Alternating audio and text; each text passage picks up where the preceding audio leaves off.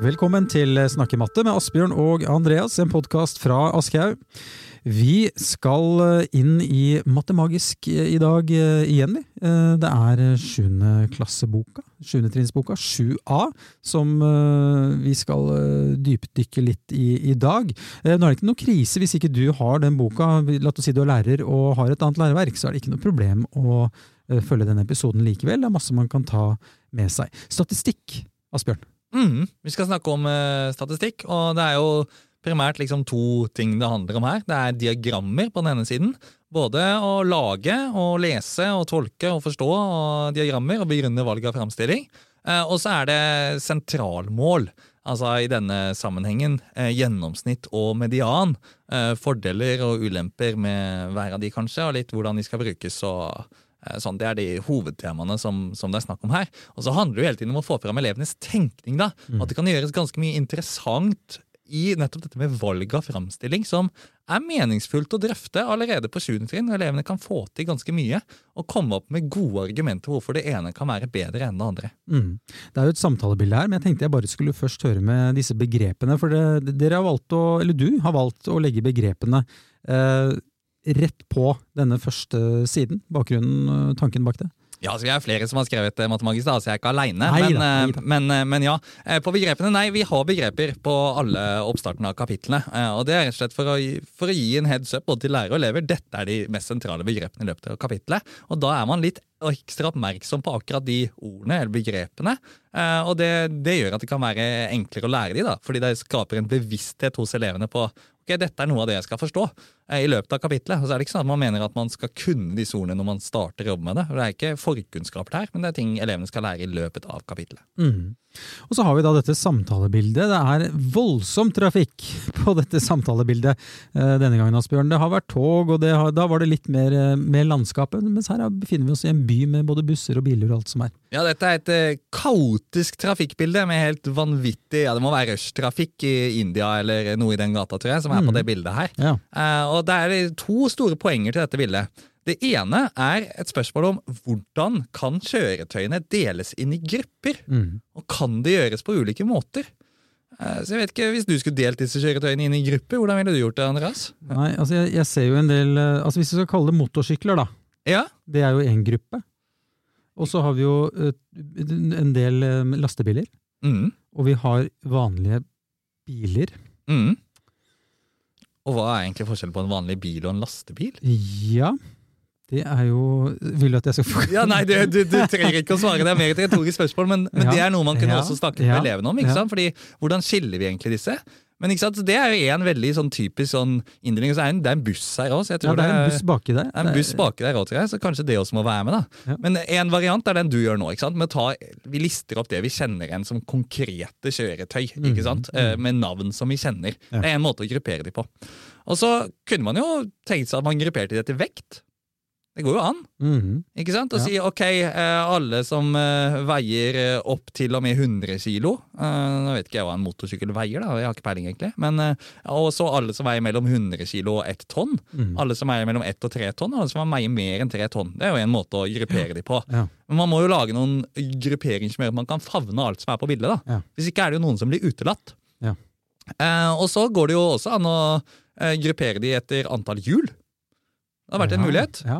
Ikke sant? Det er jo da motorsyklene. De har to hjul. Øh, og så er det jo bilene og lastebilene og bussene og alt mulig. De, eller Noen av de har fire hjul, og noen har jo til og med mer enn fire hjul. Mm. Så det blir jo også en, en, gruppering. Man kan også gruppere det etter lengde. Ja. Så her finnes det mange måter egentlig å gruppere kjøretøyene på. Og det å trene opp elevenes evne til å komme opp med ulike måter å gruppere på. Mm. Det er faktisk en veldig viktig evne for å framstille statistikk på en god måte. Ja. For veldig Mye av jobben når vi skal framstille statistikk, det handler om å lage fornuftige kategorier og grupper. Um, så det er noe av det de trener på til dette samtalebildet. Mm. Det er vel sannsynligvis ganske vanlig å gå rett på å dele inn i grupper, sånn som jeg startet med sannsynligvis. Vil jeg, tro. Jeg tror de fleste elevene tenker på det først. Ja. Og da er jo å ta seg den tiden som lærer med bare Ja, er det mulig å gjøre det på mm. noen annen måte da, elever? liksom? Altså, mm. er det, Fins det noen varianter her? Og når du først hvis du hvis ikke kommer så mye, da, og du nevner det med vekt, Mm. Da åpner for, og hva, hva annet kan vi, for da er vi liksom i gang. Mm. Eller at du kan nevne det med antall hjul, eller du kan nevne ulike, ulike ting da, som det neste du velger. Ja. Så det, Dette med å gruppere grupper det er liksom det første poenget med samtalebildet. Mm. Og så er det det andre poenget, og det er å trene på estimering. Og da er det jo spørsmål av typen ja, hvor mange biler omtrent tror vi det er på det bildet her. Mm. Og da er jo strategier fine at elevene først blir enige om et tall som de er sikre på at er for høyt, og et tall som de er sikre på at er for lavt, og så etter hvert et tall de tror er omtrent riktig. Mm. Og igjen, svaret er jo helt komplett uinteressant, og ingen vet det jo. Eh, vi vet ikke hvor mange biler som er på dette bildet. Um, det er selvfølgelig mulig å telle, men det er ganske kjedelig. Uh, det er veldig mange biler her, men det er jo veien fram til svaret uh, som er det som er interessant. Mm. Ja. Bra. Er, de er fine, disse samtalebildene her. Altså. Eh, at det er sånn det starter, og det er jo gjennomgangen for hele Matemagisk. Det, det, det gjennomsyres at det skal reflekteres, utforskes, snakkes, og at det, det skal føres en matematisk samtale. Mm. Og det er jo noe å huske på egentlig hver gang når man åpner denne boka, eller ikke åpner den, at, mm. for å sette i gang ja, hvis, du ikke, hvis, du ikke, har denne boka nå, så det er jo bare å søke opp et eller annet trafikkbilde på Google, ja, og så, så mm. er, vi, er, vi, i gang akkurat ja. i denne sammenhengen. Da. Uh, og så har du selvfølgelig, vi har funnet en del fine mm. bilder som vi opplever i denne boka. Da. Mm. Og da kan man jo uh, sette dette i sammenheng med frekvenstabell. Ikke sant? Fordi nå kunne man jo da, hvis man går til et litt mer sånn konkret datamateriale da, Vi har her en snakk-matte-aktivitet som tar utgangspunkt i tolv flagg. Uh, og der er det listet opp uh, flagg for Danmark og Peru og Frankrike og, og ulike flagg her. Mm. Og så, igjen, så handler det om å sortere disse flaggene på en eller annen måte i ulike kategorier. Og her kan man jo velge for eksempel uh, flagg som har to farger, flagg som har tre farger, flagg som har mer enn tre farger. Det er én måte å sortere på. Man kan ta flagg som inneholder blått, og flagg som ikke inneholder blått. Mm. Det er en måte å gjøre det på. Man kan ta flagg som inneholder et kors, mm. flagg som inneholder en sirkel, flagg som inneholder en stjerne, flagg som er stripete. Altså Det er mange måter å sortere disse flaggene på, uh, men det er jo nøkkel å, å, komme opp med en måte å sortere på som gjør at man favner alle flaggene. Mm. Uh, og så kan man uh, notere dette i en frekvenstabell, og da er vi allerede i gang med å logge og sortere og presentere data, som er noe av det som ligger i det elevene skal utvikle av kompetanse gjennom å arbeide med de oppgavene i dette kapitlet. Mm. Og da, altså Det å sette opp en sånn uh, tabell, altså det er jo et, Ok, nå går jo disse her i, i sjuende, men det er jo det å liksom skape et type system og skrive i boka si, det kan jo til og med bare være en utfordring, bare det. Å få det til å, å se litt ordentlig ut, få det til å, til å stemme, rett og slett. da. Mm. Uh, så det er vel å anbefale å bruke blyant, eventuelt man gjør det digitalt. Um, jeg er jo sånn som, I og med at jeg jobber på barneskolen, du, Asbjørn, jeg tenker jo, Dere tenker sikkert mye organisering, dere også, på ungdomsskolen. Mm. Men jeg tenker liksom organisering og uh, rett og slett struktur så ofte og så mye uh, ned på disse trinnene her, sånn at du skal liksom komme i gang bare med selve oppgaven. Mm. Nå var riktig nok dette her sjuende. Mm. Uh, og så, uh, det, det, tror jeg er veldig klokt, da, bare for å ta mm. noen refleksjoner rundt det. Og det går jo an å på en måte også til noen elever har gitt et sånn eh, ferdig mal for hvordan denne tabellen ja. skal se ut. ikke mm, sant? Mm. Uh, og vi har jo også utviklet nå parallellbøker, som er en slags ja. varianter av forenklede bøker, der det, det finnes altså, er linet opp så det skal være, elevene kan skrive rett inn i bøkene, mm. men uten at vi tar bort matematikken i det. Ja. Vi gir de eh, skrivestøtte, og vi forenkler matematikken noe, men vi tar ikke bort utforsking, refleksjon, resonnering, her, gruppering. De skal fortsatt ha samme kjernekompetanse, men de får mer støtte til å gjøre det arbeidet. Så det er ikke bare en sånn fyll inn-bok med bare tall og liksom bare rutineoppgaver. Mm. Alle elevene skal eh, utforske, eh, løse problemer, resonnere, argumentere. Eh, men kan, noen kan trenge litt mer støtte i det arbeidet. Mm. Og det kan vi som lærere bidra med å, med å gi. da. Mm. Mm. Ja. Og den boka, de, de, ser jo veldig like ut, gjør de ikke det? De er, de er, de, er ganske like. Så, så vil, altså, Noen vil jo kanskje synes at det er litt stigmatiserende hvis de har en annen bok, men det, det, man skal se litt godt etter faktisk også. Mm. Selv om det, det oppdages jo sikkert, men så føler man kanskje at man er likeverdig, da. Ja. Det. Ja. Eh, og så er det jo sammenligning her. Det er jo et uh, viktig begrep. Det å kunne sammenligne. Og, og da sammenlignes det diagrammer. Mm. Og Det handler om å trene elevene til å begrunne valg av framstilling. Og Det er mm. noe av det de skal lære som står eksplisitt nevnt i, i kompetansemålene faktisk på 7. trinn. Ja. Uh, og I et eksempel her, i en snakke oppgave så har vi et diagram øverst, et søylediagram, hvor det står eh, hvor mange medaljer man fikk i vinter-OL i 2018. Og så er det én søyle for Norge, én for Tyskland osv. Og, eh, og så har vi et diagram til hvor det er tre søyler for hvert land. Ett for antall gullmedaljer, ett for antall sølvmedaljer og ett for antall bronsemedaljer. Uh, og de to ulike måtene å framstille det samme datamaterialet på, for så vidt, det gir to ganske ulike inntrykk mm. av dataene. Uh, for det er det jo i det øverste diagrammet så kommer det klart fram at Norge har uh, fått helt soleklart flest medaljer. Men vi har like mange gullmedaljer som Tyskland. For mm. eksempel. Ser vi det nederste diagrammet, det er informasjon som ikke kommer fram i det øverste diagrammet. Ja. Uh, og de kan ha ulike formål.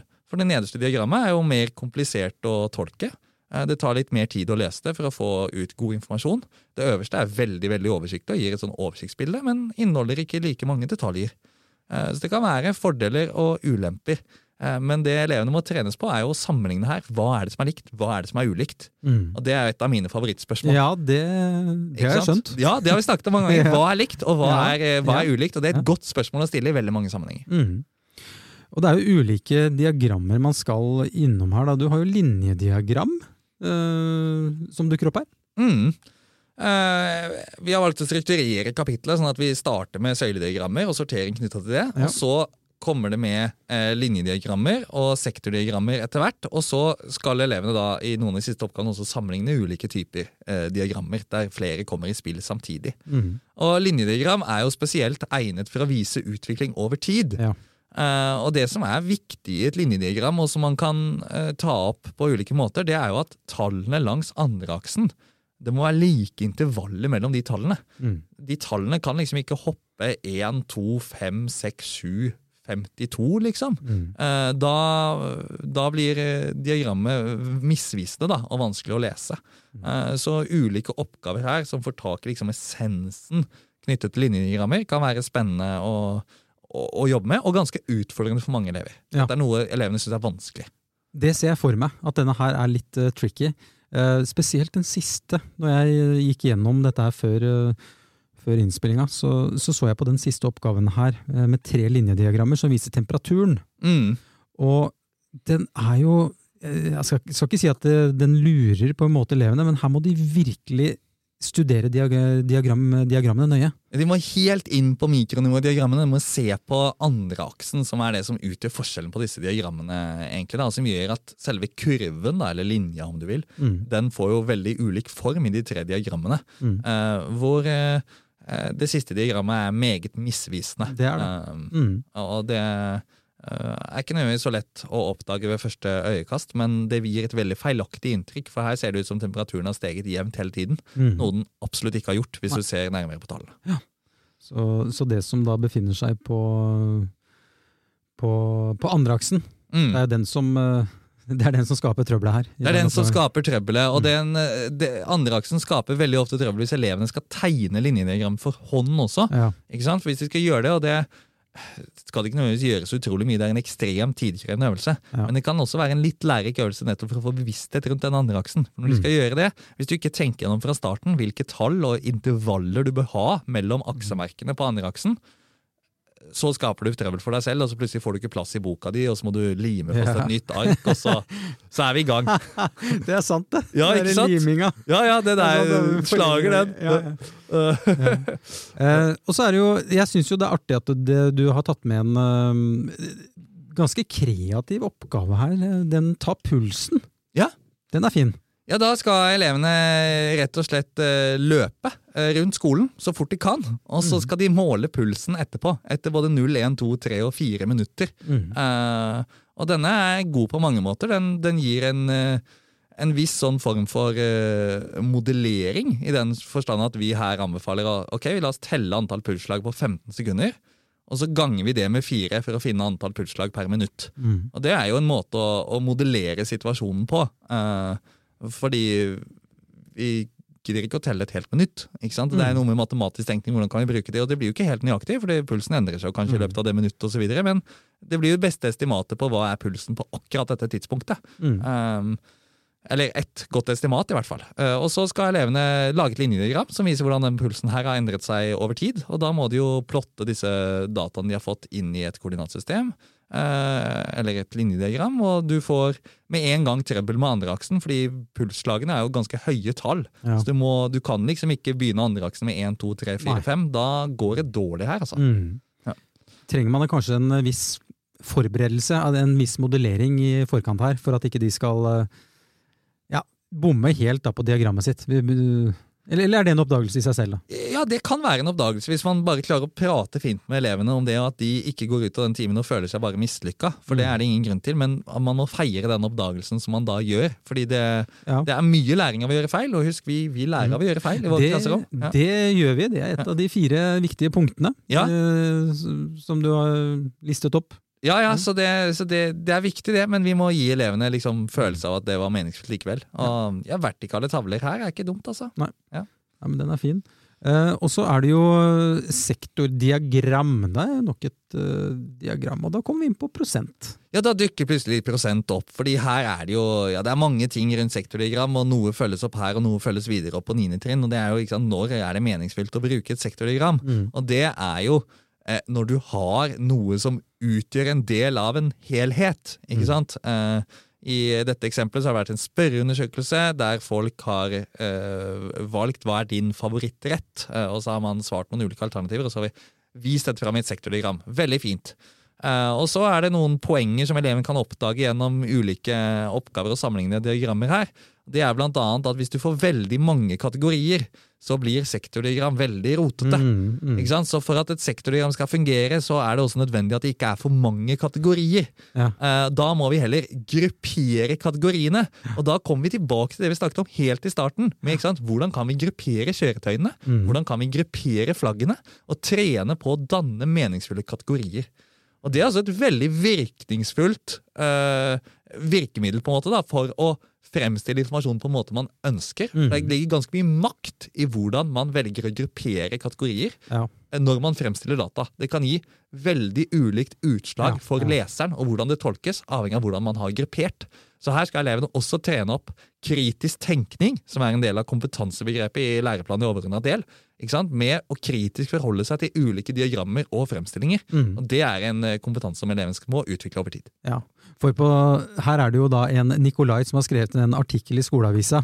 og Det er fin overskrift 'Sjokkerende mange favorittmiddager i 7C'. Og så har jo han fått et uh, sektordiagram her som eh, det, det er jo litt rotete, for å si det Ja, litt si det så, er vel for forsmaken, si- ja. ja. Og da har du jo, ikke sant, bare for å ta eksempelet, det er pizza margarita, det er pizza med ost og skinke, det er pizza med pepperoni. Så, så det er jo det å Da vil vi jo sannsynligvis oppfordre elevene til å si at det bare er pizza, da. ikke sant? ja, så kan vi gruppere de til pizza. ikke sant? Da har vi gjort én Ja. måte å Ja, så kan jo på. pizzaene være et eget uh, sektordiagram igjen, ikke sant? Så, Ja. Med ulike varianter av pizzaene. Ja. Så, nei, for dette her var uoversiktlig. Det var voldsomt. Det så ut som et uh, lykkehjul med masse Ja, så Ja, men det er, det er noe å oppdage det. ikke sant? For Hvis Mm. elevene bare lager diagrammer helt sånn ukritisk, og spesielt med alle disse digitale hjelpemidlene vi har fått etter hvert, og det å bruke regneark er jo noe elevene skal lære å Mm. ha glede av. Men hvis man da ikke har noe forhold til hva slags diagram man lager, så blir det mange rare diagrammer. altså. mm. Og det ser vi på ungdomstrinnet også, når elevene lager diagrammer. at de lager ja, Det kommer eh, sjokkerende masse rare diagrammer ut, fordi man ikke Ja. har noe veldig bevisst forhold til, til hva slags type diagram man Mm. velger i de ulike typer situasjonene. Jeg, jeg merka det nede på mellomtrinnet også. Mm. Eh, Jeg har det. Sett at det er eh, litt tilfeldig hva som kommer ut. eh, Så vi, vi må stoppe opp en god del når det Mm. gjelder disse diagrammene. Når de, for de syns jo det er morsomt å leke da, innpå der med å lage et diagram. Og det skjønner jeg, og det- du ja, det får jo ut masse greier. Ja, Ja. Men når de har et resultat som de skal, på en måte, yes, nå går jeg for et diagram, da, så ser jeg ofte at det er eh, kanskje det som på en måte så kulest ut, eller sånt, så har man kanskje ikke tenkt så veldig mye på selve innholdet. Nå sier jeg ikke Mm. at alle gjør det sånn, men det er bare i hvert fall en del som eh, må, må gjøre det på, på nytt, rett og slett. Så- Ja, hva, hva vil du egentlig framstille? Og det må rett og slett begrunne valgen, valget av framstilling. Mm. Når man gjør det, så trener man jo de opp til å forholde seg til dette bevisst. da. Mm. Mm. Sentralmål er et av de siste temaene her. Ja. Og ja. Og noe av kjernen her er jo å forstå hva er greia, liksom. Mm. Fordi det sentralmålet skal gjøre, er jo å si noe om hva er det som er typisk i et datasett. ikke sant? Hva er et Mm. typisk resultat? Ja. Uh, og det er jo ikke nødvendigvis et fasitsvar på det, hva som er typisk. Men det handler litt om å forstå de ulike målene vi kan bruke, og litt sånn eh, fordeler og ulemper med dem. Og så skal de starte med dette her, og så skal de følge opp dette arbeidet på 9. trinn, selvfølgelig. Mm. Men, men gjennomsnitt, for eksempel, da. Det er ganske mange elever som vet hvordan man regner ut et gjennomsnitt, men Mm. som har ingen forståelse for hva, hva det egentlig er for noe. Mm. Ikke sant? Og, eh, vi har laget et eksempel her med Hianna som har telt hvor mange ganger hun har spist fisk til middag de siste fem ukene. Eh, og så forklart hvordan vi regner ut gjennomsnitt. Men så har vi også visualisert hva det vil si. Mm. For når gjennomsnittet er to fiskemiddager i uka, Mm. det det da betyr, det er at hvis hun hadde spist like mange fiskemiddager hver uke, så ville det vært to fiskemiddager i uka. Ikke sant? Vi har fordelt alle fiskemiddagene fra de fem ukene uh, jevnt fordelt på de fem ukene, og da blir det to hver eneste uke. Mm. Og det er det som er gjennomsnitt. Og, ikke sant? og Da kommer vi også videre til når vi har eh, eh, litt sånn oppgaver av typen ok, Mathias har målt høyden til 19 lærere. Mm. Han regnet ut at gjennomsnittshøyden var 173 cm. Men så glemte han å måle høyden til gymlærer Trond, og han var 185 cm. Mm. Og hva skjer da med det etter gjennomsnittet, hvis vi kan snakke om gjennomsnittet til alle de 20? Mm. Jo, da må gjennomsnittet bli høyere. Sant? Vi hadde et gjennomsnitt på 173. Vi, vi tar med en person som er over 173 i beregningen vår. Mm. Ja, da øker gjennomsnittet. Mm. Og det å forstå de sammenhengene her, for å forstå hva er det gjennomsnitt egentlig er for noe, ikke sant? Det, er, eh, det er nøkkelen å ikke bare kunne regne det ut, for det er jo ikke så veldig interessant, egentlig, hvis man ikke skjønner hva dette tallet betyr. Mm. Så ser jeg at du, det er et spill her også, som eh, heter Sentralkort. Ja, Det er rett og slett et eh, ja, litt sånn strategisk spill, men, men det gir deg mengdetrening på å regne ut gjennomsnitt og median. For der har man tre kort på, på hånd, Mm. og så får man bytte et kort på hånda med et kort fra trekkebunken. Og så er det sånn at hvis gjennomsnittet og medianen av de tre kortene du har på hånd, er den samme, så får du et stikk. Mm. Og så er det om å gjøre å samle flest mulig stikk. Ja. Og det er bare å kamuflere masse mengdetrening på utregning av gjennomsnitt og median, her med få tall, eh, inn i et spill. Det gjør det mye mer engasjerende og interessant å holde på med. Eh, skape motiverte elever. Og i tillegg så fins det en del relativt avansert strategisk tenkning, faktisk. Eh, hvis man vil prøve å spille det spillet godt, så de som er på veldig høyt nivå, de kan eh, utfordre seg. Og man kan også utvide med at man ikke har bare tre kort, men at man har fem kort på hånd. Da er det plutselig atskillig mer interessant og, eh, og relativt krevende å regne ut om gjennomsnitt og medianen blir, blir det samme. Mm. Jeg la merke til, eh, bare sånn avslutningsvis, at eh, det er lagt inn programmering eh, mot slutten her. Ja, vi har lurt inn, eh, lurt inn litt grann, eh, programmering her også. eh, og det er jo en oppgave for elever på høyt nivå som mestrer dette godt. og der det er lagt inn en mulighet for å regne ut gjennomsnitt med, med programmering. Og det som man gjør her, er egentlig å trene på litt sånn avansert algoritmisk tenkning.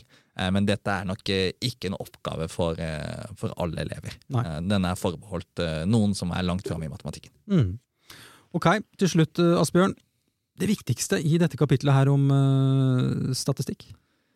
Jeg tror jeg vi trekker fram at det er ikke selve det elevene gjør med å lage det konkrete diagrammet, eller regne ut det konkrete sentralmålet som er det viktigste, men det er den tenkningen som ligger bak, Mm. og hva dette egentlig betyr, og forskjellen og sammenligning av ulike framstillinger.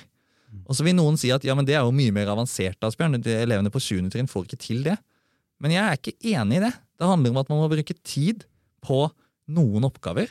Velge ut, prioritere, Mm. og drøfte med elevene. Sånn som den, det samtalebildet vi snakket om i starten med å gruppere kjøretøy. Mm. Det er klart at elevene vil forstå at det er mulig å gruppere de kjøretøyene på ulike måter. Men man må bruke litt tid på det. Mm. Og da får man opp øynene for ulike måter å tenke på, og man arbeider med å begrunne valget av framstilling. Og da er vi inne i kjernen av matematisk tenkning, og det modellering handler om i det virkelige liv.